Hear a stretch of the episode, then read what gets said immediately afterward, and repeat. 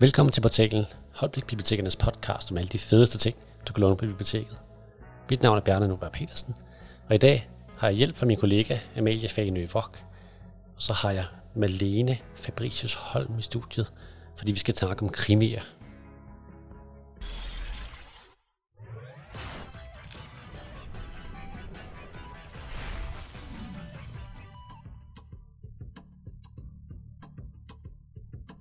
Krimi er en genre, der var rigtig populær i børnekulturen tilbage i sidste århundrede, med et væld af serier som De Fem, eller Alfred Hitchcocks De Tre Detektiver, Jan eller Kim bøgerne og mange, mange flere.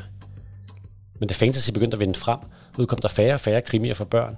De blev mere for litteratur for voksne, og voksenkrimier er altså stadig populære i dag, faktisk mere end nogensinde før. Men heldigvis er der stadig børnebogforfattere, der holder fast i krimierne, og der udkommer også stadig en smule spændende historier, hvor læseren kan gætte med, og hvor efterforskning er lige så vigtig som hovedpersonen for læseren. Jeg har før haft krimier med, som krimistyrken af altså Steve Barlow tilbage i episode 1 omkring labyrintbøger, eller Piliv Mysterier, som også er en labyrintbog om, om venner og krimi tilbage i episode 19. Og selvfølgelig Kasper Hoffs Sniper, som også er en krimi tilbage i episode 4. En af de mest populære krimier for voksne er afdelingen Q, hvor der bliver undersøgt gamle efterladte sager. Det er muligvis også det, der inspirerede inspireret til den her første krimiserie, jeg vil præsentere jer for. Klokken er 9, og Kalle har været op i en time. Han kan ikke huske, at han har været op før 9 en lørdag. Han elsker at sove længe. Gerne til klokken 11, mindst. Men nu er han op, han har tøj på, og han har spist. Han drømte om mordet på Nicky Hansen i nat. Det var en blodig drøm. Måske var det derfor, han ikke kunne sove længe. Han tænder for sin computer. Han søger på rocker og drab og får en masse resultater. Han klikker sig ind på de første to. Det er klam læsning, synes Kalle. Rocker har slået ret mange ihjel. Der er så mange rocker, der selv er blevet slået ihjel. Nogle er blevet skudt. Nogle er blevet dræbt med knive og køller. Det er skræmmende. Men Kalle ringer alligevel til Anders. Er du stadig frisk? spørger Kalle. Selvfølgelig, svarer Anders søvnigt. Så lad os få opklaret den her sag. Vi ses om en halv time. De ud til den gamle fabrik. Der var Crazy Devils borg ligger. Der er et højt plankeværk rundt om borgen. Anders og Kalle smider deres cykler i en busk lidt væk og går det sidste stykke. Jeg har aldrig været inde i en rockerborg før, visker Anders. Det er jeg sgu da heller ikke, visker Kalle. Hvad må de lave derinde? Anders står stille. De er bare et par meter fra plankeværket. Der står Crazy Devils med store røde flammebogstaver på det. Det ser vildt ud. Man kan næsten mærke varmen fra flammerne. Slå folk ihjel måske, siger Anders lavt. Han er mega nervøs, kan Kalle høre. Men det er han også selv. Kom, lad os gå hele vejen rundt om. Måske finder vi noget interessant, siger Kalle. Anders følger efter. De leder rundt omkring, uden at vide, hvad de egentlig leder efter. De leder bare. Der er ikke rigtig noget her, siger Anders. Kalle ser op. Jo, siger han.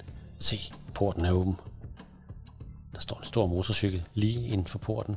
En Harley Davidson med dødning i hovedet på tanken.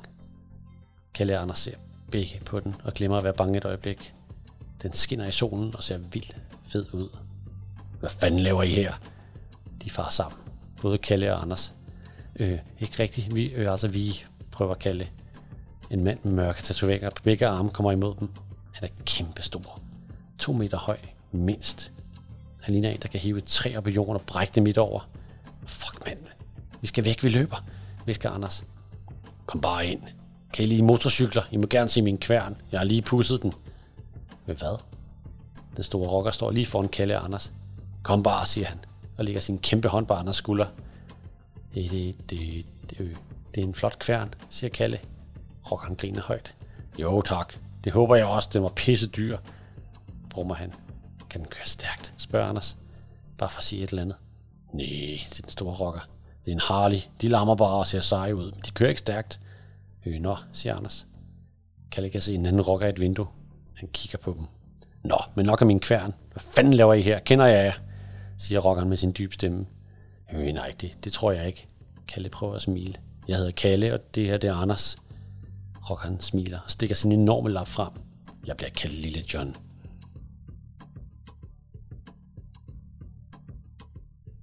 Journal X, Rockerdrabet, er skrevet af Peter Grønlund og udgivet gennem Alinia.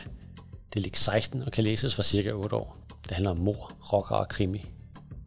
Anders han bor hos sin mor og elsker mysterier og gåder. Hans bedste ven, Kalle, har en far, der er politimand, og derfor har han også en interesse for krimisager. Gamle Massen bor på Anders' vej, og han arbejder engang som kriminel betjent. Men i dag så brænder hans hus ned, mens han er hjemme, og der er nogen, der snakker om morbrand. Anders han undersøger huset og finder en mystisk kasse med gamle sager. Sager, som Massen aldrig fik opklaret, og som Anders og Kalle vil forsøge at hjælpe med. Den første sag handler om mordet på en rocker i en garage. Alle i byen kender gruppen Crazy Devils, som den afdøde Nicky Hansen var medlem af, inden han fik knust kraniet. Lørdag morgen kører drengene ud til den lokale rockerborg, hvor de udgiver sig for at være nevøer til den afdøde Nicky. De vil prøve at opklare mordet, som det er farligt. Også selvom de bliver nødt til at tale med den store, muskuløse lille John og rockernes præsident. De ved bare ikke, hvem de kan stole på, og snart kommer de også selv i livsfar. Forsiden af bogen er tegnet af Tom Christensen, og forestiller en mørk motorcykel med et gyldent stel.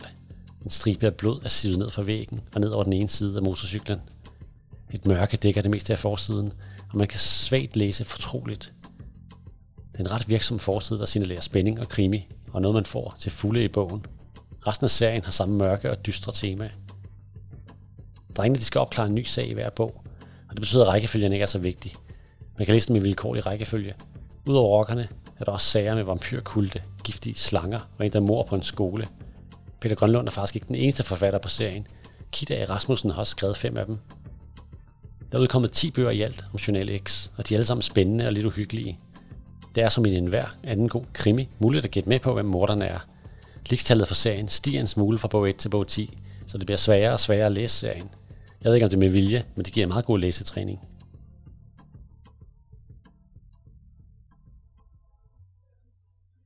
Nok verdens mest berømte detektiv er Sherlock Holmes af Arthur Conan Doyle. Der er udkommet utallige versioner af detektivens evner til at finde de mindste detaljer og fange de mest utrolige kriminelle, både omskrevet til voksne, men også til børn. Med sin tro følgesvend Dr. Watson dukker der hele tiden nye versioner op, og nogle gange i bøger fyldt med illustrationer. Eventyr på museet. Okay, hold jer samlet, børn. Mr. Green, vil du lige tælle? Selvfølgelig, Mr. Rossi.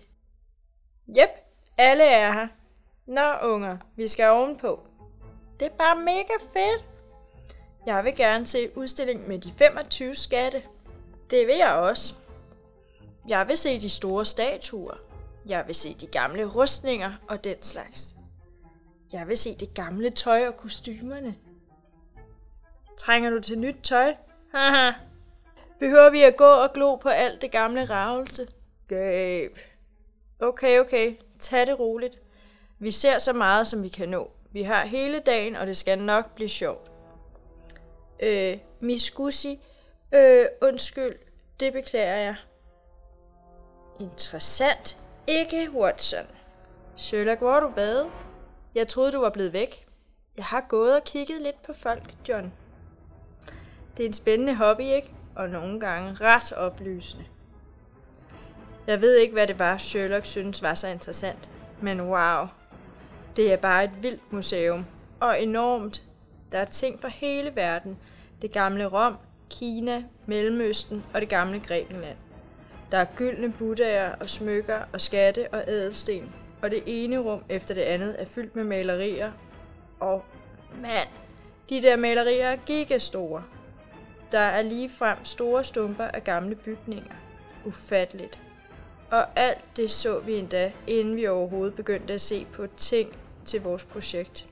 Jeg tror, jeg kunne komme her hver eneste uge, uden at nå igennem det hele. Men man kan jo ikke gøre alle glade. Og kæft, hvor er her kedeligt, jamrede Martha efter fem minutter. Hvem gider gå rundt og se på en hel masse gamle tekander hele dagen? Eller portrætter af fine damer og storsnudede mænd og fornemme hunde? Hov, lige et øjeblik. Det der ser lidt mere spændende ud. Nips og gamle fotos. Til sidst nåede vi hen til udstillingen om 1800-tallet. De havde virkelig nogle fede ting dengang, selvom noget af det var ret mærkeligt. Det var som om de havde en lille dims til alt, hvad de overhovedet kunne komme i tanker om. Kamme og børster og spejle og alle mulige slags spænder og hægter, knapper og brosjer og fjollede seler til tøjet. Der var et væld af interessante ting til vores projekt. En hel masse om det britiske imperium og hvor meget af verden det havde omfattet. og opfindelser og bygninger fra den tid. Vi fik oven i købet lov til at prøve noget tøj. Hey, det ligner lidt noget af det, vi fandt hjemme hos dig, Martha. Ja, de har flere af de sjove hatte og også en kappe. Ups, den her er lidt for stor. Du ser meget 1800-talsagtig ud, John. Du mangler bare et overskæg. Haha. Hey, se lige de her flotte gamle kameraer. Martha havde fundet en udstilling med gammeldags fotografiapparater. Det var også noget, der blev opfundet dengang. De tog en masse billeder, ikke? sagde hun og tog sin telefon frem, så hun kunne tage et billede. Jo, men ikke selfie og Martha, sagde Sherlock over fra den anden side af rummet.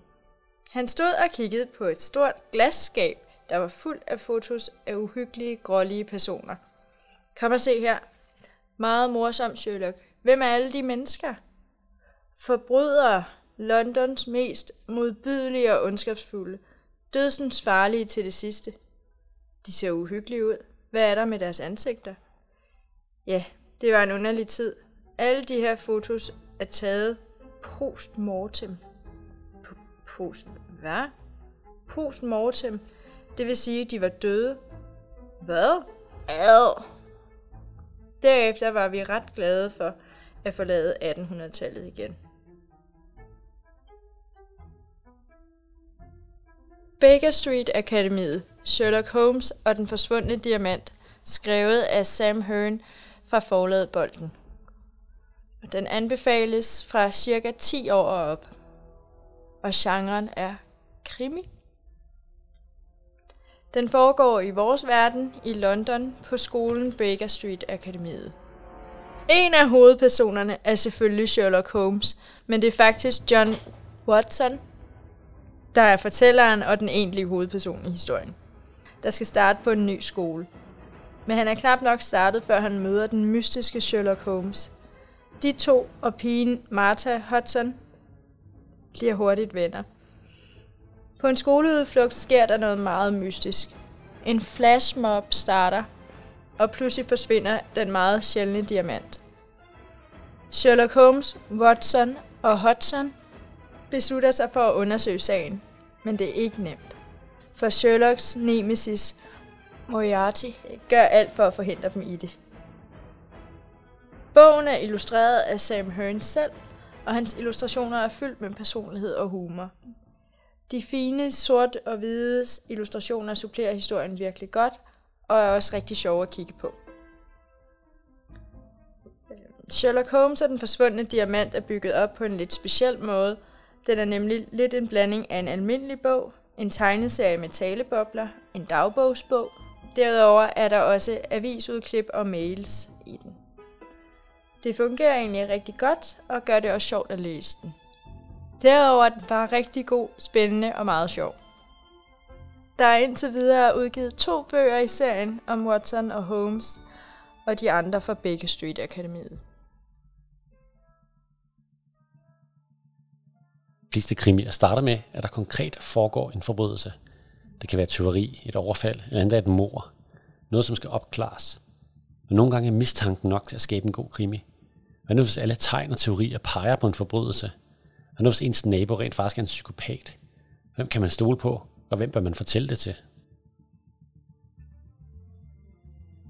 Mm.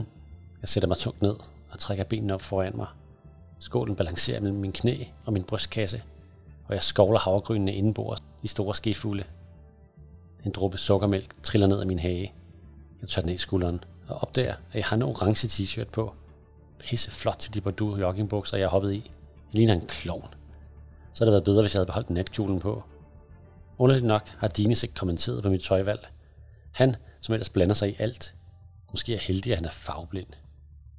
For at få det sidste havgryn op, kører jeg skene på omgangen rundt i skålen. Den skraber mod porcelænet og laver en høj, skinger lyd. Dines tager sig til ørerne og krymper sig. Er der noget galt, spørger jeg. Jeg kan ikke fordrage den lyd, klæder han. Det gør helt ondt i mine tænder at lytte til. Perfekt. Et svagt punkt. En frydefuld indvendig latter sidder i mig, da jeg kører skeen frem og tilbage i bunden af skålen et par ekstra gange, og frembringer en kaskade af skingerlyde. Dines far op og flår skeen ud af min hånd. Så hold dog op, gisper han. Så går dog hjem, visker jeg, skjult bag et lille fnis, og sætter skålen på gulvet. Dines kaster skeen ned ved siden af. Du er da vanvittig. Det kan jeg godt leve med. Jeg tager en elastik fra en lille plastikkur i vindueskarmen og samler mit lange hår i en hestehale. Vi sidder i stillhed og stiger ud af vinduet. Der sker ikke det mindste. Tyrkiskis kommer vraltende ind på mit værelse. Den er så tyk, at den ben næsten er forsvundet helt ind i dens mave. Den kan kun med nød og næppe komme op ad trapperne til første sal, og hvor den skraber mod hver eneste trin. Sikkert er en behåret fodbold, der kommer rullende der, siger Dines og stryger hånden hen over ryggen på Tyrkiskis. Du skal tale pænt om min kat, selvom den ikke forstår det. Som om du kalder mig gamle ting ind i dit hoved. Det svarer jeg ikke på, men han er ret. Jeg har kaldt ham flere mindre pæne navne i mine tanker. Dumme Dines, spade, fjols, idiot. Den er mega nuttet, bare lidt tyk, ikke? siger Dine, og løfter katten op på skødet. Lidt ligesom dig, jeg skriver til ham. Bare uden det der med at være nuttet. Jeg er da ikke tyk, det er muskler det hele. Du har meget stærke kinder, så fniser jeg. Dines puffer pludselig katten på gulvet og hiver kigger den til sig. Der er han! Jeg griber kigger ned af hånden på ham og tørrer den af med bunden af min t-shirt. Jeg vil ikke smittes med hans øjenvippelus og håndbumser. Dines rykker helt tæt på mig. Han bruger en alt for voksenagtig deo. Han lugter lidt som min farfar. Volvo-gutten går hen til sin faldefærdige bil og åbner bagagerumklappen. Mit hjerte banker hurtigere. Jeg kan høre på Dines vejrtrækning, han også er spændt. Det er som om det hele går i slow motion. Ud af bagagerummet trækker naboen endnu en sort sæk. Den ser helt fyldt ud. Kan du se noget? visker Dines. Hans varme ånden fugter mit øre. Nej, jeg tør øret i min skulder. Kan du glemme at spytte mig i øret? Jeg spytter det ikke. Dines tager fat i kikkerten. Lad mig se en gang. Jeg kigger undersøgende på Dines, mens han stiller skarpt på naboen. Han har nok hverken svamp, ansigtsfodvorter, neglerudsbetændelse og en katar eller dødelig udslæt. Hans hud ser faktisk rimelig glat og sund ud. Han er stadig et kæmpe fjols, men det smitter vel ikke. Der er et lille hul i sækken, visker han, men jeg kan ikke se, hvad der er i. Naboen forsvinder ind i huset. Jeg tager kigger den tilbage og forsøger, om jeg kan se ind i det åbne bagagerum. Vinklen er helt forkert. Kom, Dines rejser sig. Vi går ned og ser, om han har mere i bilen. Nej, er du da sindssyg, udbryder jeg. Kom nu, vi bliver på afstand. Hvad skulle der kunne ske? Det er midt på dagen. Jeg slår ikke nogen ihjel ved højlys dag. Psykopatmorder-naboen er skrevet af Malene Fabricius Holm og udgivet gennem forlaget Krabat. Kan læses for cirka 9 år. Det handler om venskab, mobning, mor og selvfølgelig krimi. Magenta hun bor med sin bror Syan, sine to fædre og slet ikke tilfreds med, at Dine så startede hendes klasse. Den lyshårede Dine skal være hendes nye sidekammerat, og han er mega irriterende. En lørdag morgen opdager Magenta ved et tilfælde, at naboen er ved at tømme bilen for en sort plastiksæk. Ved at kigge efter med sin stjernekikkert, opdager hun noget, som helt sikkert ligner en arm. Dines kommer på besøg, fordi den ikke kender så mange i byen endnu, og stiller hende mange irriterende spørgsmål. Han foreslår straks, at de ringer til politiet, men Magenta er ikke helt sikker på, at hun så rigtigt, og hun er ret sikker på, at hendes nye stjernekikkert bliver fjernet, hvis hendes fædre finder ud af, at hun har brugt den til at spionere på naboen. Derfor tager de over for at kigge ind i naboens bil. Desværre kan de ikke se, hvad præcis der er i de sække, fordi naboen hele tiden dukker op og taler et mærkeligt sprog. Magenta synes dog at kunne ane et ben i en af sækkene. De må undersøge det nærmere. Også selvom Magenta synes, at Dines er noget af det mest irriterende i hele verden. Forsiden er tegnet af Christian Gullager og forestiller naboen, der stiger overrasket ud af sit vindue. Han holder en kniv i hånden og ser lettere irriteret ud. Under vinduet gemmer Magenta og Dine sig og stiger nervøse og bange op på ham. Farverne er mørke og dystre, og signalerer fint den mistanke og uhygge, der er i bogen. Krimier var man ikke helt sikker på, om der er en skurk, af sjældne.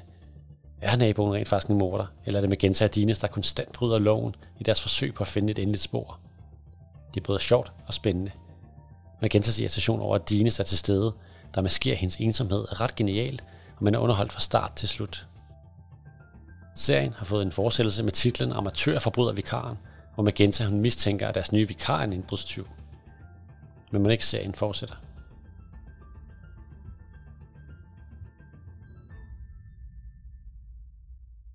Og nu har jeg simpelthen fået Malene Fabricius Holm i studiet live. Det er altså dejligt at have en øh, live forfatter på besøg. Fantastisk. Velkommen til dig. Ja. Du er uddannet øh, bankrådgiver, Ja, det er jeg. men også skrevet teatermanuskripter til en ungdomsskole. Det gør jeg stadigvæk også. Og øh, så, hvordan går man fra bankrådgiver til forfatter? Jamen, øh, Det ved, jeg tror heller ikke, det er noget, jeg er, er, er gået til på den måde. For jeg, jeg tror egentlig, jeg har jo altid skrevet, så det er ikke sådan et kæmpe spring. Øh, det har jeg gjort, siden jeg var en lille bitte. Siden før jeg kunne skrive, har jeg skrevet, tror jeg. Jeg startede med at du ved, indtale øh, historier på bånd. Og, og så da jeg lærte at skrive, jamen, så var det i små klædehæfter. Øh, jeg skrev nogle små ubehjælpelige historier, og så begyndte jeg at skrive lidt på computer, og så, øh, så inviterede jeg min, min mormor, har altid været min, min, store, min store støtte. Så, så begyndte jeg at sende historier til hende, så hun læste med og var et rigtig godt hæppekor. Så jeg, jeg har aldrig ikke skrevet, faktisk. Så, øh, så, så bankrådgiver har bare været noget, jeg har været ved siden af. Eller, nej, det kan man ikke, det er selvfølgelig mit job. men men, øh, men jeg har, jeg har, der har ikke været perioder i mit liv, hvor jeg ikke har skrevet. Det har jeg altid gjort. Det kan være, det vender på et tidspunkt, så det er bankrådgiver, der bliver en sidegeschæft og forfatter. Det kan, det kan det sagtens være. Det kunne da være en drøm, hvis jeg, øh, hvis jeg kunne gøre det som en fuldtidsbeskæftigelse. Men, øh, men det må vise sig med tiden jo. Jeg tænker, den første bog af dine, jeg lagde mærke til, var jo øh, den der serie med Magenta og Dines. Ja. Og, og, det, det var egentlig fordi, at, at det var en krimi. Og der kommer faktisk ikke så mange krimier lige i øjeblikket. Det, det virker som en, at den, den druknede lidt genren i, i fantasy og science fiction og alt muligt andet. Ja. Så, så når der dukker en, en ny krimi op, så, så, så, så bliver vi så lidt interesseret på bibliotekerne og tænker, hvorfor, hvorfor en krimi, og hvordan fandt du på, at du skulle begynde at skrive krimier nu? Har du, eller har du altid skrevet krimier? Nej, det har jeg ikke altid skrevet krimier. Det var øh, måske lidt tilfældigt, at det blev en krimi, men jeg, jeg tror på, at man skal skrive den bog, som man har brænder for at skrive, og ikke kan lade være med at skrive, fordi så tror jeg, der kommer den bedste bog ud af det i den sidste ende. Altså, at man ikke bare skriver den bog, som man tror, nogen vil læse, men skriver den bog, som man ikke kan lade være med at skrive. Og så føler det andet forhåbentligvis med, at så kommer der måske en god bog ud i den anden ende, som nogen vil læse. Så at det lige blev en krimi, var egentlig øh, tilfældigt. Du, du gjorde ikke nogen tanker om omkring, at, at, at hvor svært det var at få den ud, fordi at, at der var fantasy-messer, kæmpe fantasy-messer hver eneste år, det har der været i næsten et årti, 10, men hvis du skal ind på krimi linjen, så der er jo kun øh, for voksne nærmest med den der Horsens Krimifestival, og der er ikke rigtig nogen børnekrimifestival. Øh, Nej, det har jeg lagt mærke til efterfølgende. Øh, men nu var det også, det var, altså psykopatmordernaboen var jo min første udgivelse, som bare var min. Så, så der havde jeg ikke, jeg havde på den måde ikke gjort mig nogen tanker om, hvordan og hvorledes, hvordan skal den her ud i verden, fordi på det tidspunkt vidste jeg ikke, at den skulle ud i verden. Man har altid et håb og et ønske og en drøm, når man skriver noget, men det er ikke sikkert, det er sådan, det, blev, sådan det bliver jo. Mm. Øh, men det blev det, og det kom måske en lille smule bag på mig, da det skete, så jeg vidste ikke, jeg havde i hvert fald ikke, jeg havde ikke undersøgt det nærmere, at, øh, at det var fantasy, der var det shit. så øh, så jeg, jeg ville bare rigtig gerne skrive den her historie, fordi øh, jeg vidste præcis, hvad jeg skulle med den. Jeg blev så glad, fordi det, det, var, det havde svært ved at lave en, en portalen episode med krimier, fordi at, at der var så få, og, og der, var, der var også langt mellem guldkornene, så når der kommer en, en ny krimi, som faktisk er rigtig god, så, så bliver jeg jo glad. Så. Og jeg er også virkelig glad for, at du gad at komme og, og tale med mig. Ja, det vil jeg mega ja, gerne. Omkring den, især med din titel, fordi jeg har aldrig oplevet en titel, som var så, så lang og, og speciel, men stadig en, man aldrig glemmer. Hvordan i alverden kom du på, at den skulle hedde Psykopat Morder Nabo? Jamen, det er også et godt spørgsmål, men det er jo egentlig, altså selve, selve Psykopat Morder Nabo, øh, bogen, den er jo inspireret af, at den måde, man tænker, når man er barn, ja, den måde, jeg i hvert fald selv tænkte på, da jeg var barn, det der med, at altså, jeg kunne rigtig godt lide at udspionere mine naboer. Øh, eller øh, jeg var sikker på, at, altså, at min nabo havde gang i et eller andet suspekt, eller jeg kunne i hvert fald hurtigt dække en historie om, at det havde de, og så var det det, der var sandheden. Eller når jeg var alene hjemme, så kunne jeg godt bilde mig selv ind, at der nok var en tyv eller en morder eller noget i huset, ikke? Så jeg kunne låse mig inde på badeværelset og blive der, indtil mine forældre kom hjem, fordi jeg havde gjort mig selv så sindssygt bange. Øh, og det er jo det, bogen er inspireret af. Og på den måde, så, så er, er titlen også inspireret af den måde at tænke på. Øh, og så kan jeg godt lide jeg kan godt lide ord, der smager godt. Øh, og jeg synes, det smager rigtig godt. Og jeg kan også godt lide sjove ord. Øh, og det er jo, jeg synes, det var en god kombination af de to ting. Ja, der er i hvert fald en, øh, en række ord i den, som kan, kan give, give folk, der læser den højt, sådan grå hår, fordi at det er nordmands øh, svensker og sådan noget lignende. Der, der ja. er virkelig lange ord, som, som er sjove at læse op, men, øh, og børnene de elsker også, når man, man prøver at flette ord sammen, så det, så det giver mening, men på en måde, hvor man bare er ved at kløjse i dem. Hvordan kom du fra alle de ord? Men, ja, det, det var den der, altså sådan lidt øh, barnlige, barnlige øh, tankegang, tror jeg, der gjorde det. Og så synes jeg, altså, synes jeg, det selv er enormt sjovt. Og jeg har efterfølgende øh, altså, hørt fra steder, hvor den er blevet læst højt eller noget, at de har bidt meget fast i de der forskellige øh, sjove, lange ord. Ja, jeg, har endda, jeg har endda hørt et sted, hvor øh, psykopatmordernaboen var blevet til en leg bag. Altså, og det var, bare, det var bare, fordi de havde læst titlen. De havde ikke engang læst bogen endnu, men, men så var det blevet til en leg. Så, så på den måde, øh, så, så, så rammer de ord det, jeg havde håbet på, da jeg skrev dem. Toren hedder jo også Amatør, Forbryder, Vikaren. Har, du- har du øh, for, forberedt flere altså sådan lidt sjove titler i serien? Eller? Nu siger du forberedt titler, for jeg vil sige, at titlen til toeren gav mig måske en lille smule mere øh, grå hår i, øh, i siderne, fordi øh, den skulle jo passe til etteren pludselig. Mm. Så der, der, skulle jeg lidt mere, der skulle jeg lidt mere tvinge det frem for at finde på titlen. Øh, og, jeg var, og jeg har været igennem rigtig mange titler til den der. Men, men nu, nu synes jeg, den smager godt. Smag. Ja, den smager den lige så dejligt som, som psykopatmordernaboen. Så. Det er en af de andre ting, der skiller sig meget ud ved den i forhold til andre krimier, er, at, at krimier med børn som hovedpersoner ret, ret tit har sådan en Mary Sue-effekt, hvor, hvor børnene kan det hele, og de voksne kan ikke finde ud af noget, og de, og de altid øh, ender med, med at klare det hele uden problemer. Men øh, dine hovedpersoner, det er, de bliver så nærmest detektiver ved et uheld, og Magenta hader jo Dines fra start, og, og, de, og det virker som, de, at de nærmest ikke kan lide hinanden, eller i hvert fald hun ikke kan lide ham. Så hvordan laver man en historie med personer, der faktisk ikke bryder sig om hinanden? Jamen, øh, jeg kunne godt tænke mig, at den, at det, det, det, det skal ikke bare være så happy-go-lucky. Altså, at det må godt, det må godt nærme sig noget, noget virkeligt. Jeg synes, det, jeg synes, det fedeste, specielt som barn, når jeg læste en bog, det var, hvis jeg læste en bog, hvor jeg tænkte, det her kunne også ske for mig. Og, og det er den håb, jeg, jeg har øh, omkring det, at, øh, at, man, øh, at man tænker, det her, det kunne lige så godt have været mig, det skete for. Det kunne så godt være mig, der, der så sådan og sådan, eller gjorde sådan og sådan, eller tænkte sådan og sådan. Ikke? Og der kan man da måske også godt huske, at man har haft øh, klassekammerater, man har været mindre glad for, mm. uden at man kunne sætte fingeren på, hvorfor. Øh, og som måske måtte erkende på et eller andet tidspunkt, at man tog fejl. Jeg ved ikke, om jeg står alene med den. Nej, det tror jeg ikke. Jeg kan godt huske noget lignende. Ja. Noget andet, der også er lidt specielt ved den, eller i hvert fald sådan lidt specielt måske, er, at hovedpersonen har to fædre. Og det jo meget meget inde at, at skrive om, men, øh, men, men alligevel er det ikke så tit, man støder på det. Jamen, jeg ved det ikke. Det, jeg ved det faktisk ikke, fordi det, det var et tilfælde, at det blev sådan. Øh, de var ikke for at være med på noget moderne, eller, eller, eller for at forsere noget. Det var bare sådan, det blev. Og så fungerede det bare rigtig godt, at det virkede bare som det helt rigtige, at det var, det var, det var sådan, hun havde det, eller de havde det derhjemme. Øh, og de er jo bare faktisk en helt almindelig kernefamilie. Der er ikke noget, det er ikke noget, hvor, hvor det skal være noget, at hun har to fædre. Sådan er det bare. Og du må have ramt det rigtigt, fordi når jeg læser den op, er der ikke nogen, der sætter spørgsmålstegn ved det. Så Nej, det, det synes jeg er fedt. Det synes jeg er fedt, så, så, øhm, så må det være en naturlig ting. Og det var det i hvert fald for mig, jeg skrev det. Det blev helt naturligt. Det var ikke planlagt på den måde, at det skulle være sådan. hovedpersonernes navne, er det nogen, du øh, har trukket op af hatten, eller er, fordi de er jo de er virkelig mærkelige, det, i, i, når man Ja. sådan ser sådan generelt danske navne, Magenta, Dine, Sy- hvad er det? Ja, der er, der er mange forskellige. Jeg kalder ham Sajan, men, Nå, det er, jo, men det er også mærkeligt at Det være dig, der bestemmer det, der er Ja, men jeg ved det ikke. Den, der læser op, bestemmer vel, hvad de hedder. men men øh, ej, det var fordi, jeg synes, det var sjovt, fordi øh, faren er maler. Eller han er farvehandler, han er ikke maler, han er farvehandler. Øh, og så, så har han sådan lidt, måske lidt farehumor, og så har givet børnene øh, navne efter farver jo. Så deres kat hedder jo også Tyrkis Kiss. Så, så det, er, det var egentlig det, der var, øh, det var egentlig det, der var tanken. Det var bare for, for sjov. Og så synes jeg, at, at både Magenta og Cyan, det, det klinger af et godt navn, selvom det er bare en farve. Jeg ved ikke, jeg har ikke undersøgt, om der er nogen, der hedder det. Altså, jeg støder virkelig på mange øh, børnenavne. Jeg har set det mest mærkelige, som Cirkel og Aloha og sådan nogle, ikke? Men, øh, men jeg har aldrig stødt på de der før. Det kan være, det kommer nu. Jeg håber, jeg kommer en Dines en dag. Ja, ja. så Altså. Dines, Dines, det er jo bare et gammelt dansk navn. Og der, øh, altså, der fortæller jeg jo bare, at det er fordi, han er opkaldt efter sin farfar. Bedstefar i hvert fald. Øhm, og det er derfor, han hedder sådan.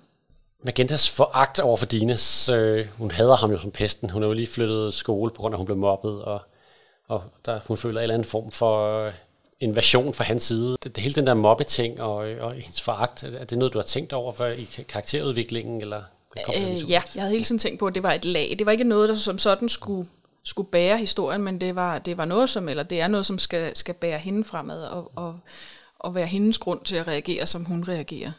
Og det er også derfor, hun reagerer sådan over for Dines, fordi hun har ikke lyst til at få nogen tæt på sig igen. Og han er jo meget anmæsende fra start af, ikke? Han har set et eller andet, måske han kan spejle sig i.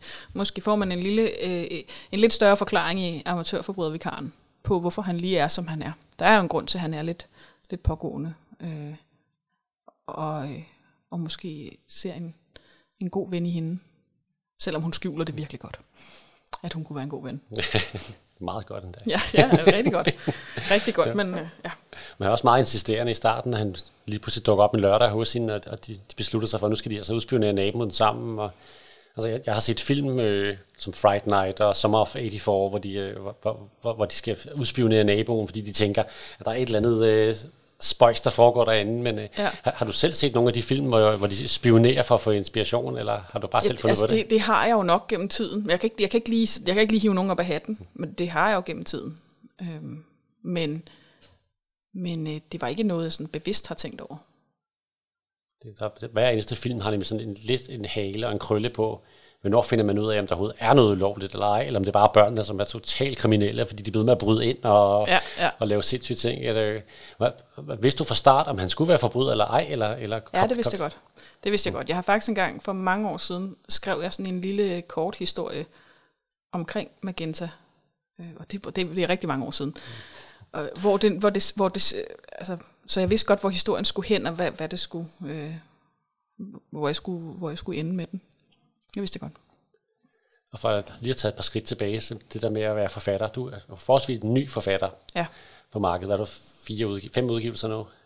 Ja, der, altså, der kommer, øh, den 6. kommer også i år. Okay, så næsten så. seks udgivelser. Ja.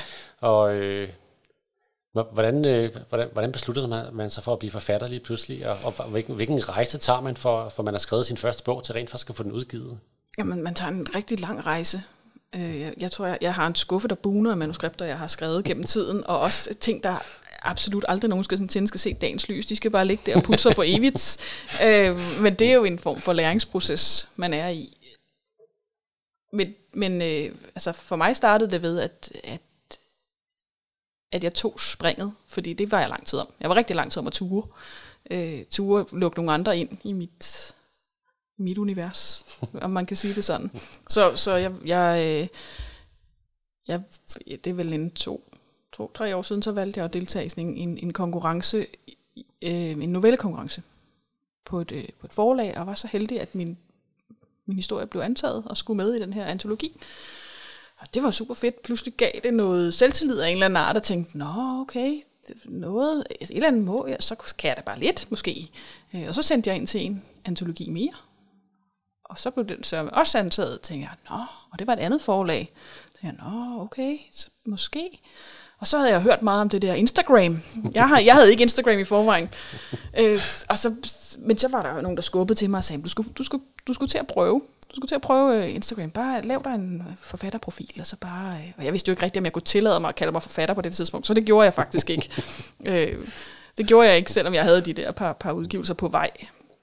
Men, øh, men så skete der noget, magisk. Jeg begyndte at skrive lidt om derinde, hvad, hvad, hvad har jeg gang i, hvad skriver jeg på, og, og pludselig så, øh, så skrev øh, Helle Perrier fra, øh, fra forlaget Krabat, om ikke godt hun måtte se, hvad jeg skrev på. Og det måtte hun virkelig gerne. Men det gav også lidt nervøse trækninger i ansigtet, jeg sige, at, at hun skulle, at hun skulle med. Jeg havde, men jeg havde jo arbejdet sammen med hende omkring den ene antologi, så jeg vidste jo, det var et forlag, jeg rigtig godt kunne tænke mig at arbejde mere sammen med, så, så det ville jeg virkelig gerne. Så, øh, og så fik hun faktisk manuskriptet til Psykopatmodernaboen. Og kunne heldigvis lide det. Og antog det, så, så at, jeg, at jeg blev for, altså at jeg begyndte at skrive og så videre, det har altid ligget i mig, så det tror jeg ikke er så fjernt. Men, men det med at blive antaget af et traditionelt forlag, det var nærmest magisk. Altså, det, jeg, jeg, jeg tror, man skal være ufattelig heldig, for at det sker. Det, øh... De fleste sender jo manuskripter i store mængder ind til forlag. Og, ja, lige præcis. Du har faktisk en omvendt verden er blevet opdaget af forlaget. Ja, altså det, det vil sige, at den skulle igennem den almindelige proces. Selvfølgelig skulle de stadig læse det, og de kunne stadig have kasseret det som, som normalt. Hun har jo ikke lovet mig noget. Men, men på det tidspunkt, øh, der var faktisk rigtig mange forlag, som havde, havde lukket for indsendelse af manuskripter, så der var ikke noget sted at gå til. Og jeg var egentlig klar, kan man sige, til at nu vil jeg gerne lidt længere og prøve lidt mere. ikke? Så, så jeg følte mig ret heldig, at hun, øh, at hun spurgte. Så, så det blev et stort øh, rungende ja det vil jeg gerne. Og så skyndte jeg mig at sende den til hende. Hvor lang tid tager det så, fra du skriver din historie færdig, til den faktisk udkommer? Øh, lang tid. Jeg tror, jeg tror fra jeg, altså fra jeg underskrev kontrakt, så tror jeg, der gik år med, med psykopatmordernaboen. Men det er lidt forskelligt. Det kommer også an på, hvordan det passer ind i udgivelsesprofil på, på forlaget jo, øh, og så videre. Men der er der en lang redigeringsproces jo, man skal igennem, så, så det tager noget tid. Og masser af redigeringsrunder, og, og ting, man ikke havde set komme.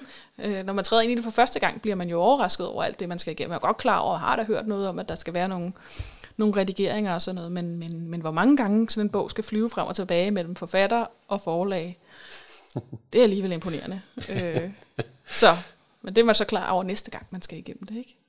Det er helt perfekt. Ja, lige præcis. Jeg, jeg elsker den proces. Der er jo nogen, der ikke kan, kan lide det med at redigere, men jeg kan faktisk rigtig godt lide det. Jeg kan godt lide den der proces med at få fint det, og jeg kan godt se, at det også bliver bedre. Og det synes jeg er fedt. Og så er der det med forsiden. Ja. Hvordan får man en forside? Øh, ja, men øh, det er jo øh, det er også lidt forskelligt faktisk fra, øh, fra bog til bog, men, men på, på de to øh, krimier der, der, øh, der har jeg taget en, en passage fra bogen, kan man sige. Jeg lader mig inspirere en passage fra bogen, og så modellere en lille smule måske, ikke?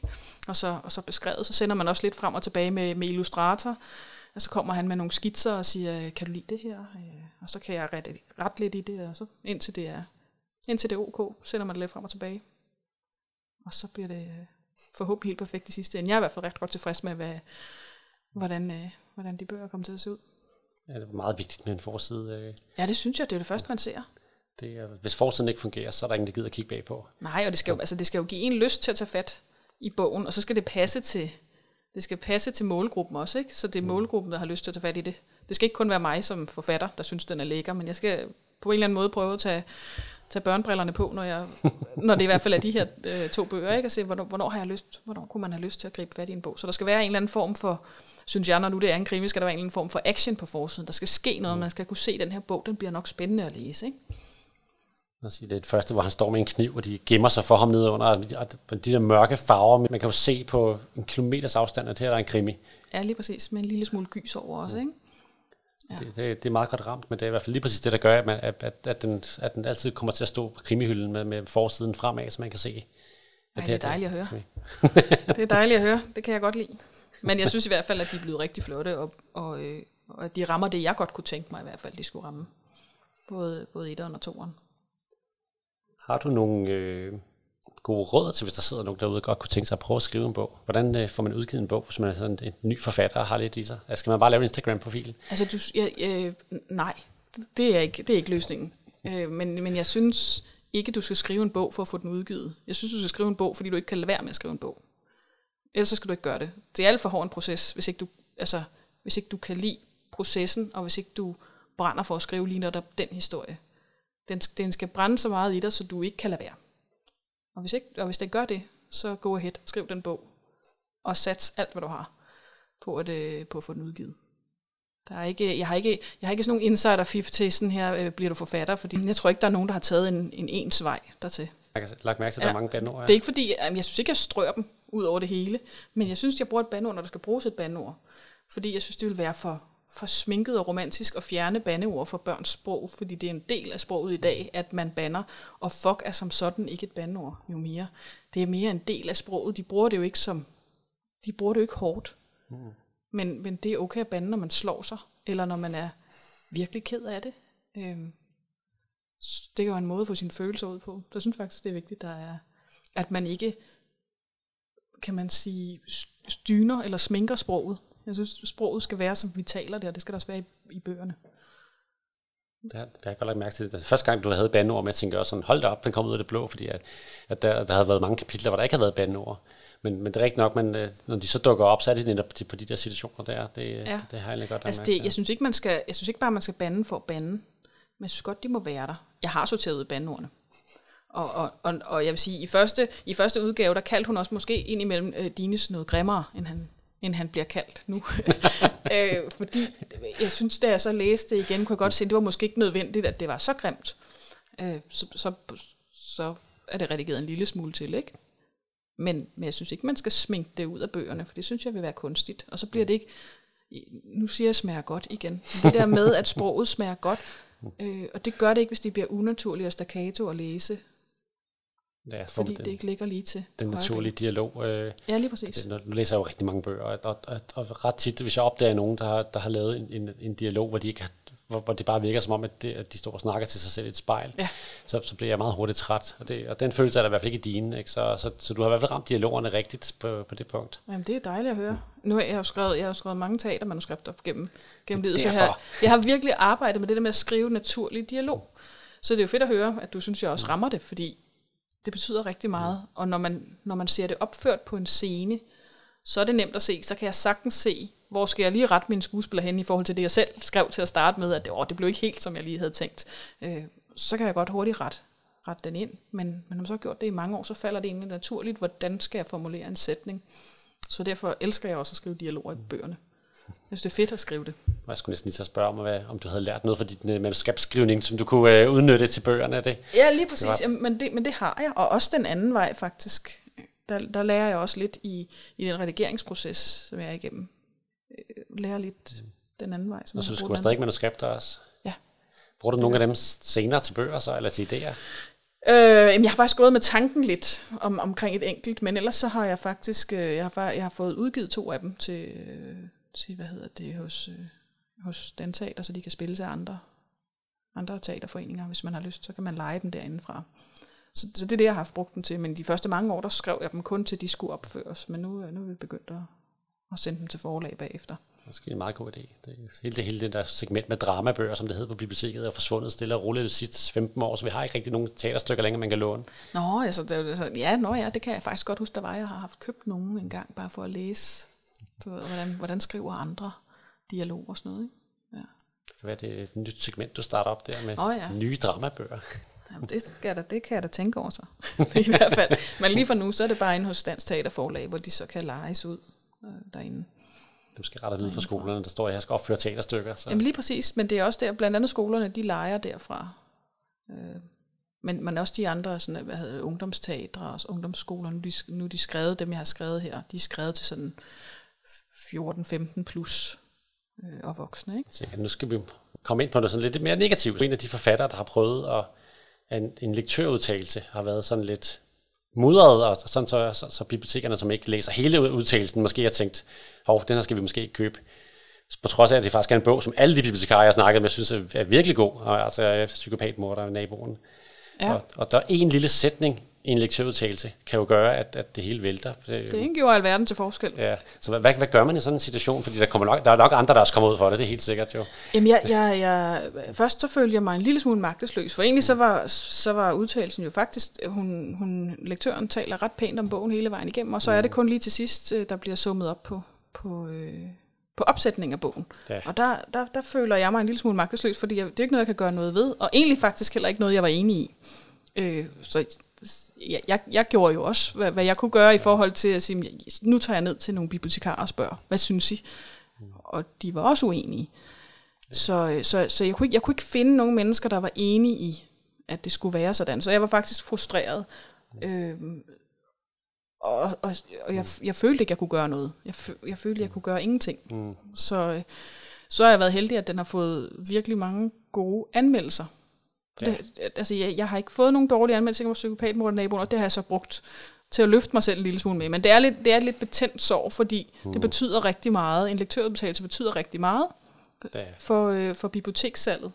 Så ja, Ja, det er sådan, jeg er så helt, jeg, der havde faktisk en kollega, der, der, der kom og, så- og sagde, har, har du læst den her bog? Og så sagde jeg, øh, ja, det, jeg kender den godt.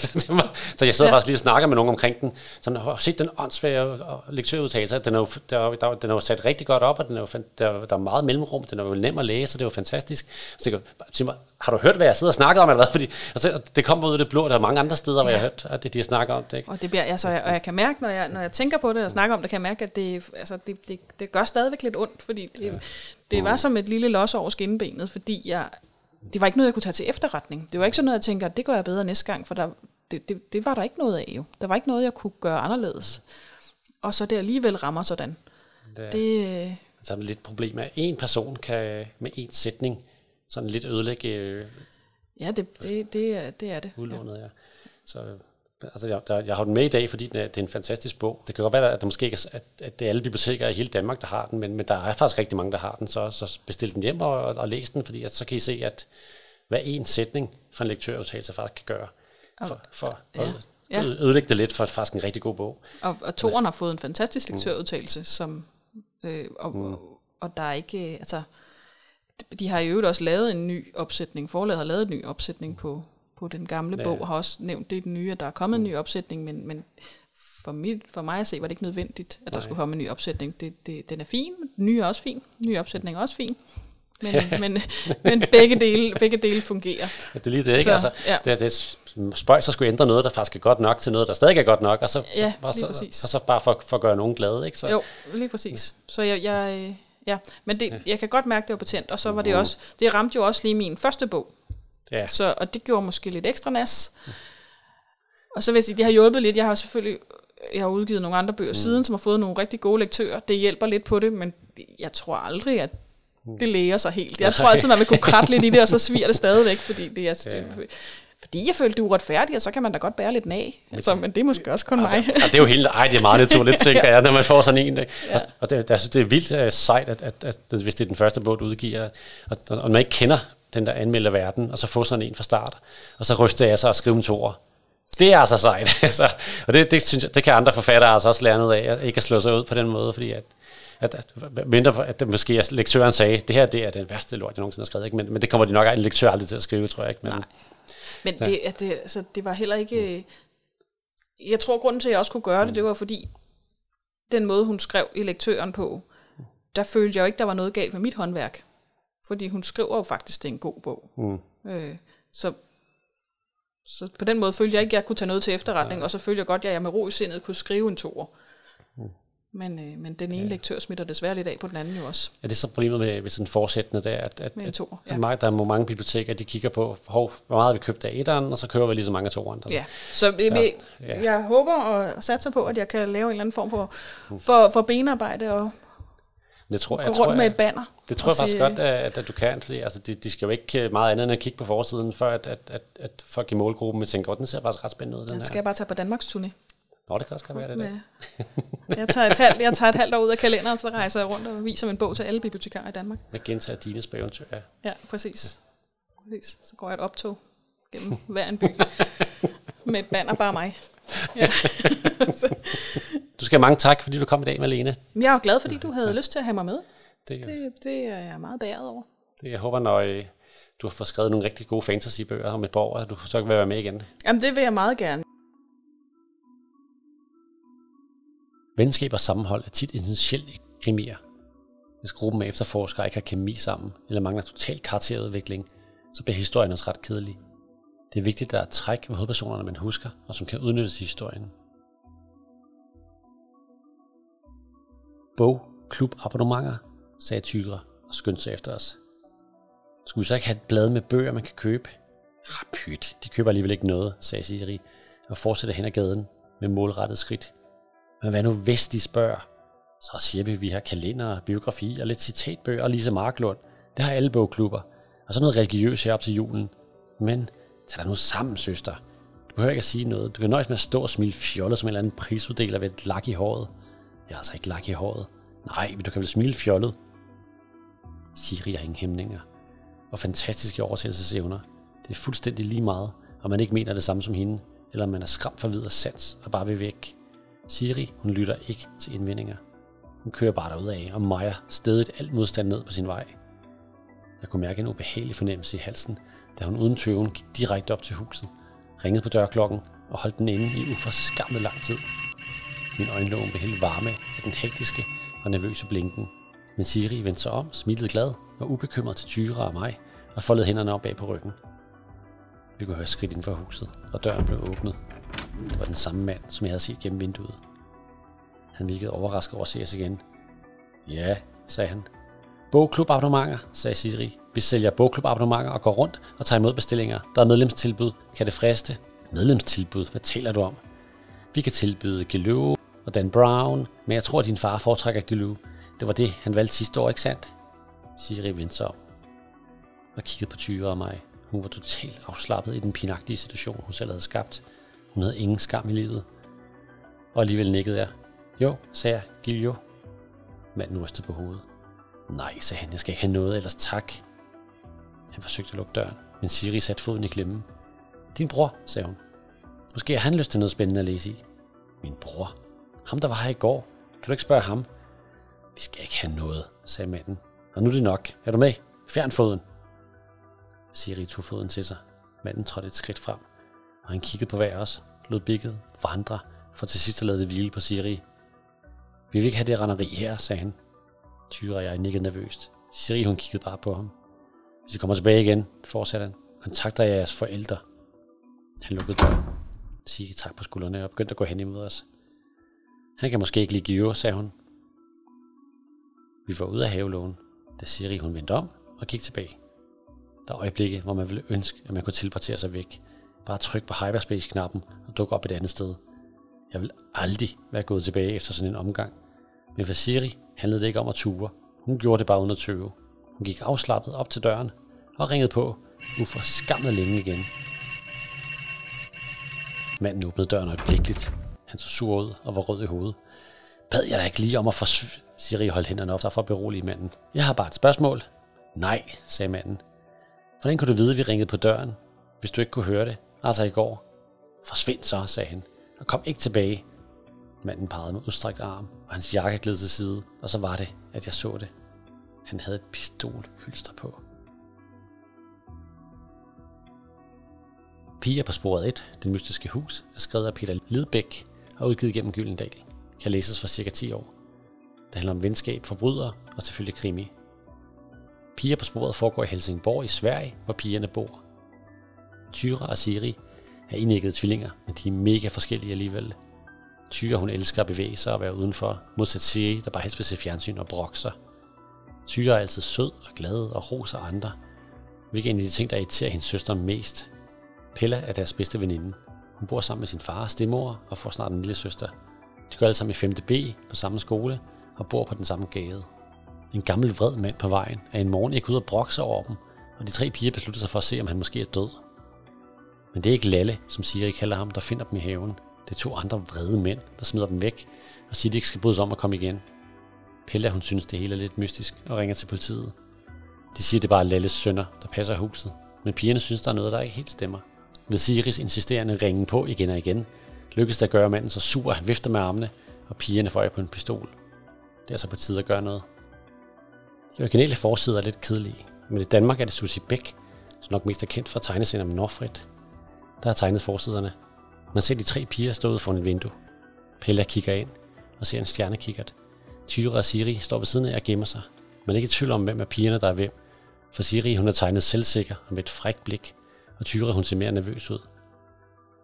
De danske forsider er virkelig flotte og viser tydeligt krimielementet. Bogen er skrevet med mange dialoger, men fortælles af Pella, der konstant har kommentarer eller forklaringer til, hvad der sker med tvillingerne. Der er et par twists, og historien forsøger at narre læseren, så det er ikke lige til at regne ud, hvad der skal ske. Og det gør serien spændende og underholdende. Siri, hun er så grov og frembrusende, man ikke kan lade være med at smile. Det er sjovt og spændende at læse. Selvom det er nogle utrolige ting, de kommer ud for, som altså ikke er i tvivl om, det er rigtigt, det der sker. Der er udkommet 10 bøger på dansk, der starter med det mystiske hus og slutter med den uheldige spillefugl. Og da hver bog er en afsluttet sag for pigerne, kan de godt læses uafhængigt. Særne dækker alt fra trusler, slanger, beskyttelsespenge, overfald og endda mor. En af de nyere trends inden for krimi, især i film og serier, er parkour. Det er flot og spændende at sprinte gennem byen via tage, plankeværker, og hvad man ellers skal finde forhindringer. Men at omskrive det til en bog kan altså godt være svært. Den store bil står i lys lue. Vi kan se de to mænd stå og kigge på deres værk. Lyset fra flammerne gør, at vi kan se, hvordan de ser ud. Det er ikke nogen rare fyre at kigge på. Begge er skaldet og har store muskler. I det samme kan vi høre en politisirene dukke op i det fjerne. Lyden af politiet får de to mænd til at hanke op i deres tasker. Hurtigt løber de mod den nærmeste gade for at komme væk. Kom, lad os følge efter dem. Erfaren rejser sig op. Hvorfor dog det, spørger Simon. For at hjælpe politiet, svarer Erfaren ivrigt. Med hvad, spørger Sara. Med at fange forbryderne, svarer Erfaren. Og hvordan skal vi fange to kæmpe store rockere, griner jeg. Ja, faren vil ikke give op. Hvis vi ser, hvor de bor, svarer han stadig, så kan vi fortælle det til politiet. Jeg kigger på de andre. Det er sejt at løbe i mørke, men det vil være meget mere sejt at jage forbrydere. Alligevel har jeg ikke lyst til at følge efter de to mænd. Klokken er altså mange, siger jeg. Og hvad så, svarer jeg faren. Så skal jeg snart være hjemme, siger jeg. Den undskyldning gider mine venner ikke høre på. Helt ærligt. Vi er Team Ninja, svarer jeg. Og hvor tit har vi chancen for at fange forbrydere, siger Simon. Sara vil også gerne følge efter de to mænd. Og det bliver hende, der overtaler mig. Det er sjovest, hvis du er med, Malte, siger hun og kigger på mig. Jeg ved ikke hvorfor, men jeg kan mærke Saras blik helt ned i maven. Sådan er der ingen pige, der har kigget på mig før. Okay, siger jeg og rejser mig op. Lad os se at komme afsted. Vi løber så hurtigt vi kan, men det tager tid at komme ned fra taget, og det tager tid at løbe hen over P-pladsen. Bare de ikke når at slippe væk, puster jeg faren, mens vi løber. Vi fortsætter forbi bilen, hvor ilden er ved at dø ud. Den lugter brændt. Hister her slikker små flammer op. Bag os kan vi høre politisirenen nærme sig. Hvad hvis politiet ser os? spørger Sara. Så tror de måske, at det er os, der har tændt ild til bilen. Ingen svarer. Det har vi ikke tænkt på. Heldigvis nærmer vi os gaden, hvor de to mænd er løbet ind. Vi har kun få meter tilbage, da politiet drejer ind på pladsen bag os. De er stadig et stykke væk, men vi kan se de blå blink ramme husene foran os. Åh oh, nej, bare de ikke ser os, stønner Simon. Men det er for sent. Politiet har allerede set os. De tænder bilens projektør og retter lyset mod os. Sekundet efter kan vi høre døre smække. Stop! Det er politiet! Team Ninja. En bil i flammer. Skrevet af Jakob Thyregod Søjer. Fra forlaget Elysion. Bogen er Lix 15 og anbefales for cirka 9 år og op. Det er en krimi, men hos os på Holbæk Bibliotek er den placeret under letlæsning 3.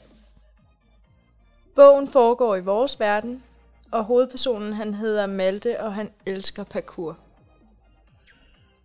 Bogen handler om Malte og hans venner, der træner parkour på området omkring NATO. De løber over tage, hopper over mure og kravler de vildeste steder. Det er mest for sjov, og fordi de synes, den lokale parkourklub er blevet kedelig.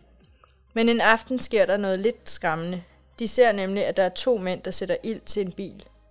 Og før de ved af det, er de på jagt efter et par barske forbrydere, som skjuler andet end en afbrændt bil. Den er illustreret af Tina Burholdt, hvis illustrationer er rigtig flotte. De er fulde af liv, og man kan virkelig fornemme deres venskab og de stemninger, der er i bogen. Jeg kan godt lide, at det er parkour, de dyrker, da det ikke er noget, som jeg synes, man hører så meget om i litteraturen. Derudover er den meget nervepirrende og spændende og svær at lægge fra sig. Der er indtil videre fem bøger i serien om Team Ninja. Krimiakast fokuserer på det enkelte emne og kommer med tips til, hvordan man selv kan gøre en forskel for miljøet. Og nu hvis man blander dyreagenter og mission om at redde troede dyrearter ind i det hele. En rød lampe blinkede ud for døren til træningslokalet. Der trænes, sagde en monoton stemme over højtaleren. Der trænes. Agnes glædte ned over den obistak kedeldragt, Ati havde fået hende til at skifte til. Hun kunne høre dæmpet råb og bump gennem døren, og så ned på Ati, Men hun overvejede, om hun var ved at fortryde, at hun havde sagt ja til kommandant Fed. Den røde lampe skiftede til grønt. Der lød et højt klik, og døren blev åbnet på klem. Ati ginnede Agnes indenfor, de kom ind i en enorm hal med polstrede vægge og loftet dækket af spotlights. Midt på det fjerde gummigulv stod en sølvfarvet klatrestativ af samme slags som det, Agnes havde set børnene klatre i, i parken efter skole. Nogle steder hang der ræbstiger og kæder ned fra stativet, sammen med en besynderlig blanding af alt muligt andet. En stor klase bananer, et par blomstrede soveværelsesgardiner, forskellige kokosnødder og en samling gummistøvler. Under en del af klatterstativet var der et bassin fyldt med flydende træstammer og filtrede tang – og hun er stoppet op. Uanset hvad hun havde regnet med at finde herinde, var det i hvert fald ikke det her. Nu opdagede hun de røde lys, der dansede hen over snuderne på hendes obista mærkede løbesko og hæv Ati i armen. Hvad er det her for noget? Sensor, mumlede han og børstede med hånden ned over et sted, hvor hun havde rørt ham. De registrerer alle dine præstationer, så vi kan finde ud af, hvad for en mission du skal sendes ud på, når du er færdig. Agnes sank. Hun skulle først klare træningen. Mens Ati førte hende ind til midten af hallen, lagde hun mærke til tre skikkelser, der stod i skyggerne i hver sit hjørne af rummet. De stivnede alle sammen, da Ati rømmede sig med en lille pipelyd, der kan genlyde gennem væggene. Agenda, jeg vil gerne præsentere jer for vores nye rekrut, Agnes Gamble. De tre skikkelser begyndte hurtigt at bevæge sig igen. Agnes rettede ryggen, mens Ati førte hende hen til dem alle tre efter tur. Den første var en høj hare med en blød, sølvbrun pels. Den havde bundet en kakifarvet bandana om sine lange ører, der dinglede, da den lavede en kraftfuld kombination af slag mod en boksebold ned fra en overlægger. Det er kaptajn Marlena, mumlede Ati til Agnes. Hun er vores faste ekspert i pote mod potekamp. Hun kommer til at lære dig at den hemmelige kampform Annie Mai Tai. Det er en kombination af kampteknikker fra en lang række forskellige dyr, og den bedste form for selvforsvar, en agent kan lære. Agnes studerede de sorte pletter i kaptajn Marlenas pels. Europæisk hare, tænkte hun. De kunne løbe op til 80 km i timen, og de havde kraftige bagben, som de brugte, når de boksede med hinanden i paringstiden. Ikke så underligt, at hun var bokseinstruktør. Kaptajn Malena lagde hovedet på skrå, mens hun holdt opmærksomheden rettet mod boksebolden. Hun gik ned i knæ og sprang sig op i luften, samtidig med at hun sparkede med de lange bagben. Agnes havde set videoer med harer, der sloges, men kaptajn Malenas bevægelser var anderledes. De mindede os om nogle af de måder, andre dyr kæmpede på. Kaptajn Malena lavede et cirkelspark i luften, mens hun snadrede som en ulv og snodede rundt, så hun kom til at hænge som en abe med hovedet nedad inden hun slog så hårdt på boksbolden, at den røg kæden, og blev slynget mod klatterstativet. En by af bananer, kokosnødder og gummistøvler ramte det elastiske gulv og blev kastet gennem hallen med en lyd som et kæmpemæssigt havlvær. Agnes pillede nervøs for kanten af sine ærmer, da kaptajn Malena vendte sig om mod hende. Er du klar, Splint? Glæder du dig til din første elektion? Hun havde et skævt smil og klare brune øjne. Øhm, Agnes vidste ikke helt, hvad hun skulle svare. Jeg ved ikke, om jeg er særlig god til at slås. Åh, det skal du hurtigt få lært, sagde kaptajn Malina og rodede Agnes i det røde hår med poten. I begyndelsen var jeg heller ikke mange super sild værd. Det eneste, du har brug for, er smidighed, styrke og evnen til at træffe hurtige beslutninger. Så skal vi nok få en første klasses agent ud af dig. Vilde agenter, Operation Honningjagt, er skrevet af Jennifer Bell og Alice Lickens og udgivet gennem Gyldendal. Kan læses for 9 år. Det handler om agenter, dyr, miljø og selvfølgelig krimi. I Vilde Agenters verden findes der dyr, der kan tale, og det er altså ikke for sent at redde naturen. Agnes Gamble elsker dyr, og er lige nu fyldt 8 år, uden nogensinde har ejet sit eget dyr. Hendes forældre var berømte botanikere, der blev mast til døde under koglerne fra et bonja-fyretræ. Derfor bor hun nu hos sin onkel, som kun interesserer sig for ejendomsværdier og slet ikke dyr. En dag, da Agnes kommer hjem fra parken, finder hun et dyr på sin seng. Et mystisk sortpelset væsen i en uniform. Den kan til hendes overraskelse tale og kalder sig selv for en elefantspidsmus. Den er agent for Bista, og hun skal straks følge med. For hendes onkel ikke kan opdage, at hun er væk, så tager chimpansen Ralf over. Med Agnes' tøj og en par ryg og en god evne til altid at blive set bagfra og efter Apin, er der nok ikke nogen, der vil opdage noget. Ati, som musen hedder, kan tale på grund af teknologi for dyr, og hans mission er at redde andre dyr, der er så sjældne, at selv menneskerne ikke længere ved, at de eksisterer. Agnes forældre var hemmelige agenter for dyreorganisationen, og de mener, at Agnes også kan blive en udmærket agent. Men før sin første mission skal hun trænes. Pote til pote kamp af en hare og kamuflage fra en kæmpe panda. Så hun parat. Forsiden er tegnet af Kim Dalsgaard, som også har forbedret de originale forsider en hel del. Agnes set sammen med Ati i deres uniformer i et tegneserieagtigt univers. Både over og under billedet kan man se grønne blade, og i bunden også tre smilende hvide ræve. I slutningen af bogen er der en besked fra agenternes leder, kommandant Phil, der forklarer, hvordan man som læser kan gøre noget for naturen, for der er virkelig mange dyr at redde derude. Der er kommet tre bøger i sagen om vilde agenter indtil videre. Operation Honningjagt, Operation Isbjerg, der sender Agnes til Antarktis, og Operation Ørkensand, som foregår i Sahara.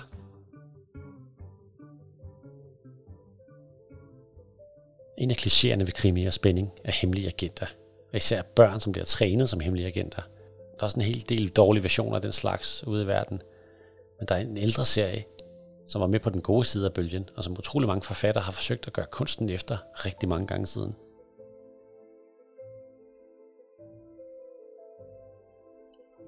Hans vækkeur ringede klokken 6 om morgenen.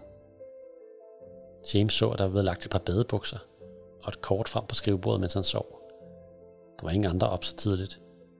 James gik ned til kantinen, og et par lærere spiste morgenmad. Han fandt en avis og bladrede sportssiderne igennem, mens han spiste en portion cornflakes. Kortet var nemt at følge, men James stoppede op, da han så skiltet på døren til bassinet. Træningsbassin. Kun adgang for børn under 10 år. James stak hovedet ind ad døren. Bassinet var tomt, bortset fra en pige på omkring 15 år, der svømmede baner. Da hun så James, svømmede hun hen til kanten og støttede albuerne på den. Er du James? spurgte hun. Jep. Jeg hedder Amy Collins. Jeg er din svømmelærer. Du kan skifte ud bagved. James tog tøjet af. Han lagde mærke til Amys sorte Kerup t-shirt på bænken, og hendes BH og trusser på en krog ovenover. James havde været bange, for hans svømmelærer ville vise sig at være en hård børste, der råbte og skreg af ham. Da han så Amys trusser, indså James, at det ville være endnu værre at blive til grin over for en pige. Han trådte ud af omklædningsrummet og stod ved trinene ned til den lave ende af bassinet. Kom op til den her ende, råbte Amy. James gik langt til 25 meter lange bassin og aflæste nervøst dybdemarkeringerne. Den dybe ende flade ud ved 3 og en halv meter. Stil dig med tæerne ud over kanten, sagde Amy. James sjoskede hen til kanten. Bunden så ud til at være meget blankt væk, og stanken af klor mindede ham alt for meget om dengang han næsten druknede. Tag en dyb indånding, hop i og hold vejret indtil du kommer op til overfladen igen. Men synker jeg ikke til bunds, spurgte James. Mennesker flyder i vand, James. Især hvis de lungerne fylder luft. James skulle så klar til at springe i kan næsten mærke vandet fosse ind i munden allerede. Jeg kan ikke, sagde James. Jeg er lige her. Jeg skal nok sørge for, at du ikke drukner. Du skal ikke være bange. James ville ikke virke svag foran en pige. Han tog mod til sig og hoppede i. Stilheden, da hans hoved kom under vand, var næsten uvirkelig. James fødder ramte bunden af bassinet, og han sparkede fra. Da hans ansigt brød overfladen, udstødte han et stort gisp og begyndte at baske desperat med armene. Han kunne ikke se Amy. Han følte den samme rassel, som da hans klassekammerat næsten fik ham druknet. Amy tog fat i James, og med et par kraftfulde spark var hun inde ved kanten. James kravlede op af bassinet og knækkede hostende sammen. Godt klaret, James. Du har lært det allervigtigste. Du flyder automatisk tilbage til overfladen, når du hopper i vandet. Du, du sagde, du ville gribe mig, sagde James. Han forsøgte at vide vred, men et stort snøft midt i sætningen forrådte ham. Hvorfor er du ked af det? Du klarede dig virkelig godt. Jeg lærer aldrig at svømme, sagde James. Jeg ved godt, det er dumt, men jeg er bange for vand. Min 9-årige søster kan svømme, men jeg tør ikke engang hoppe i vandet. Slap af, James. Det er min skyld. Jeg ville aldrig have bedt dig om at gøre det, hvis jeg havde vidst, du var så bange for at hoppe i. Amy tog James med tilbage til den lave ende. De sad med fødderne dinglende i vandet, mens Amy forsøgte at få James til at slappe af. Du må virkelig synes, jeg er en svikling, sagde James. Vi er alle sammen bange for noget, sagde Amy. Jeg har lært tonsvis af børn at svømme.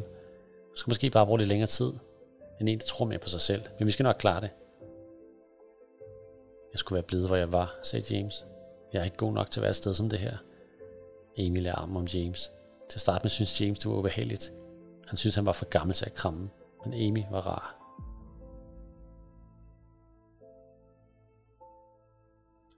Kirup Mission 01 Ilddåb er skrevet af Robert Munchamore og udgivet gennem People's Press Junior.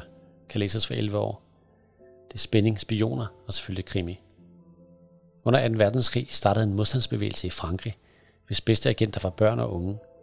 De blev ikke set som fjender og kunne derfor lettere spionere på tyskerne. Da, da krigen sluttede, drog den britiske spion Charles Henderson til England og skabte der en hemmelig organisation for at fortsætte arbejdet med børneagenterne. Han kaldte den Kerup. I dag har de mere end 250 agenter, og ingen af dem er ældre end 17 år.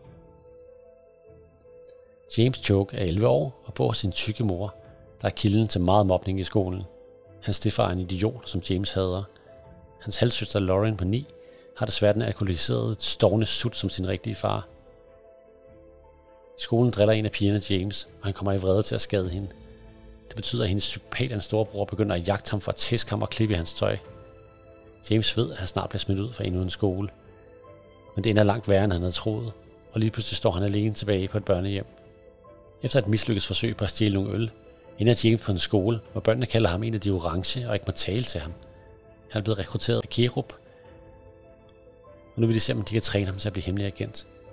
Men der bliver ikke lagt fingre imellem i optagelsesprøverne, for James bliver smadret i kampsport og skal slå en kylling ihjel med en kuglepen. Og der går ikke lang tid, før han skal ud på sin første mission, og så begynder det at blive rigtig spændende. Forsiden er designet af Mike Huddleston, og viser en collage af en eksplosion fra en bil, der skrider ud, en storby og en dreng med sløret ansigt. Det er ikke en forside, der sådan direkte skriger på at blive taget ned fra hylderne, men det er helt sikkert en forside, man kan genkende, når man uundgåeligt vil lede efter resten af serien, efter man har læst den første. Ideen med børnespioner er gammel, men Kerup startede også tilbage i 2004, og den grusomhed og evnen til at gøre børnene identificerbare gør, at man virkelig holder med hovedpersonerne og tror på alle de sindssyge ting, de kommer ud for. Man keder sig aldrig, når man læser den serie. Der er 17 bøger i alt om Kerup, hvor hovedpersonen skifter til nogle af de andre børn. Derudover er der syv bøger, der handler om Henderson Boys under 2. verdenskrig. Alle bøgerne er spændende og fyldt med action.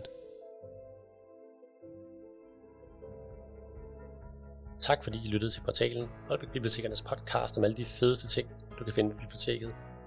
Din vært var Bjarne Nordberg Petersen, og jeg håber, du vil lytte igen til næste udsendelse. Tak for i dag.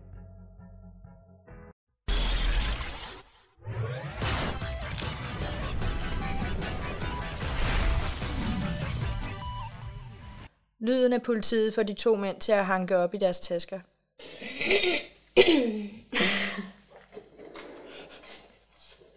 Lyder det ikke at hanke op i tasker? Det er en dårlig lydeffekt. Jo, det er sådan... Du ved ikke, hvor tunge tasker de har jo. Bjarne. Stop! Det er politiet! Hørte du, hvordan jeg sagde politiet? Det var lidt jysk, var det? Det, det er alle politibetjente i Sjælland er jyder, så det passer meget godt. Så det er et godt sted at stoppe, så kan du godt præsentere den. Det er prioriteret. Hvad laver I her? Det er politiet. Mener du det? Skal jeg bare stoppe der? Okay.